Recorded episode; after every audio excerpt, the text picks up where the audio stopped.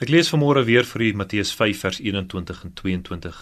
Julle het gehoor dat aan die mense van die ou tyd gesê is jy mag nie doodslaan nie, maar elkeen wat doodslaan moet verantwoording doen voor die reg. Maar ek sê vir julle dat elkeen wat vir sy broeder sonder rede kwaad is, verantwoording moet doen voor die reg en elkeen wat vir sy broeder sê raka, moet verantwoording doen voor die groot raad en elkeen wat sê jou dwaas, moet verantwoording doen in die helse vuur.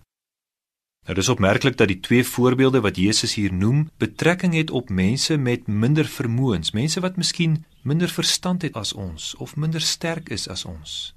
Dis immers die mense wat ons die maklikste onder die duim kan hou, nie waar nie? Ja, diep in ons hart lewe die hoogmoed en die trots. Hierdie trots maak dat volke mekaar onderontwikkeld noem en maak dat mense mekaar 'n laer opleiding of 'n laer sosiale status toeskryf.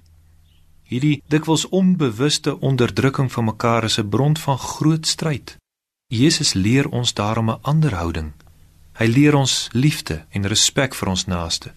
Egte liefde onderdruk nie die naaste nie, maar gaan staan langs die naaste. En as daar nou een iemand is wat dit vir ons kan en mag leer, dan is dit Jesus Christus, want hy self het hierdie gebod tot in sy diepte vervul.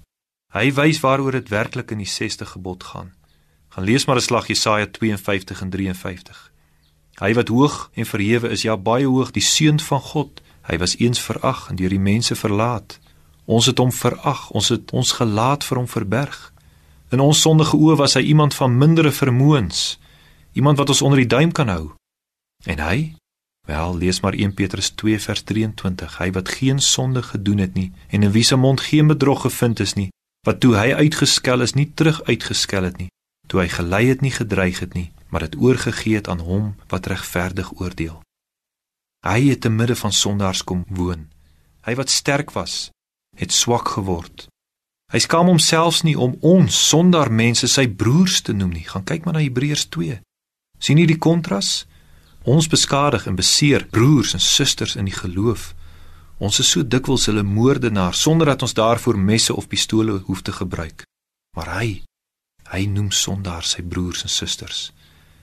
Dit is die liefde wat hy aan ons bewys het en meer nog, hy was selfs bereid om vir ons moorddadigheid te sterf. Hy was nie net beter as ons nie, hy was ook nog bereid om ons slegtheid te dra. Christus het die 6ste gebod volmaak vervul. Daarby het hy ook nog ons oortreding van die 6ste gebod gedra. Daarom het hy die reg om aan alle mense, in besonder sy volgelinge, sy liefde as voorbeeld en gebod voor te skryf. Met minder as hierdie liefde kan en mag ons daarom nie ons naaste benader nie.